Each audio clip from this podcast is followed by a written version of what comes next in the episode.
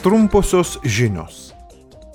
Vakar šventėme Europos dieną, minėdami 1950 m. gegužės 9 d.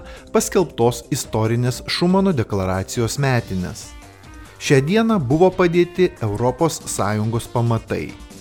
Europos dieną turime galimybę švęsti ES pasiekimus ir pripažinti Europos vienybės svarbą.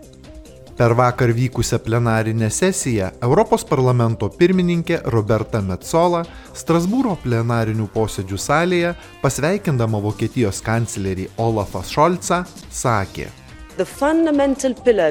Šis politinis projektas yra unikalus nes yra paremtas vilties, galimybių, laisvės, demokratijos ir teisinės valstybės ramščiais. To, ką giname, ką pasiekėme ir ką dar turime pasiekti, negalime priimti kaip savaime suprantamą dalyką. Turime ir toliau aukti. Vokietijos kancleris Olafas Šolcas su parlamento nariais aptarė savo požiūrį į Europai tenkančius iššūkius ir jos ateitį. Apie žalėją pertvarką jis sakė. Neturiu jums aiškinti, kokias galimybės ši pertvarka suteiks Europai. Svarbu, kad mūsų šalių piliečiai tai pajustų ir savo kasdienėme gyvenime nes ateityje elektros energija iš atsinaujinančiųjų išteklių bus pigesnė, nes visoje Europoje turėsime pakankamai įkrovimo stotelių elektriniams automobiliams ir sunkvežimiams. Nes energetikos ir lustų sektoriuose kūrėme naujas perspektyves darbo vietas, nes čia Europoje kūrėme ir parduodame technologijas, kurių reikia visam pasauliui, norint užtikrinti poveikio klimatui neutralumą.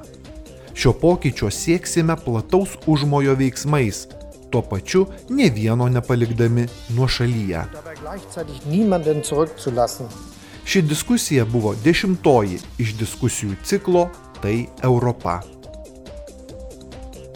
Per plenarinę sesiją Strasbūre parlamento nariai pasikeitė nuomonėmis su komisijos pirmininko pavaduotoju Marošu Šefkovičiumi ir Švedijos ES reikalų ministre Jessica Rosval dėl teisės aktų pasiūlymų dėl ES ekonomikos valdymo taisyklių reformos. Per diskusiją komisijos narys Šefkovičius sakė, uh, Viešojo sektoriaus skola drastiškai didėja taip pat didėja ir mūsų investicijų poreikiai. Reikia paspartinti žalėją ir skaitmeninę pertvarką, stiprinti saugumą ir gynybą ir didinti mūsų pramonės tiekimo grandinių atsparumą. Komisijos pasiūlymuose sprendžiami abu šie klausimai. Jais siekiama laipsniškai ir tolygiai mažinti skolą, o investicijomis ir reformomis skatinti tvarų ir integracinį augimą. Parlamento nariai išdėstė savo prioritetus susijusius su šia reforma. Stabilumo ir augimo paktas yra taisyklių rinkinys skirtas užtikrinti, kad ES šalys siektų patikimų viešųjų finansų ir koordinuotų savo fiskalinę politiką.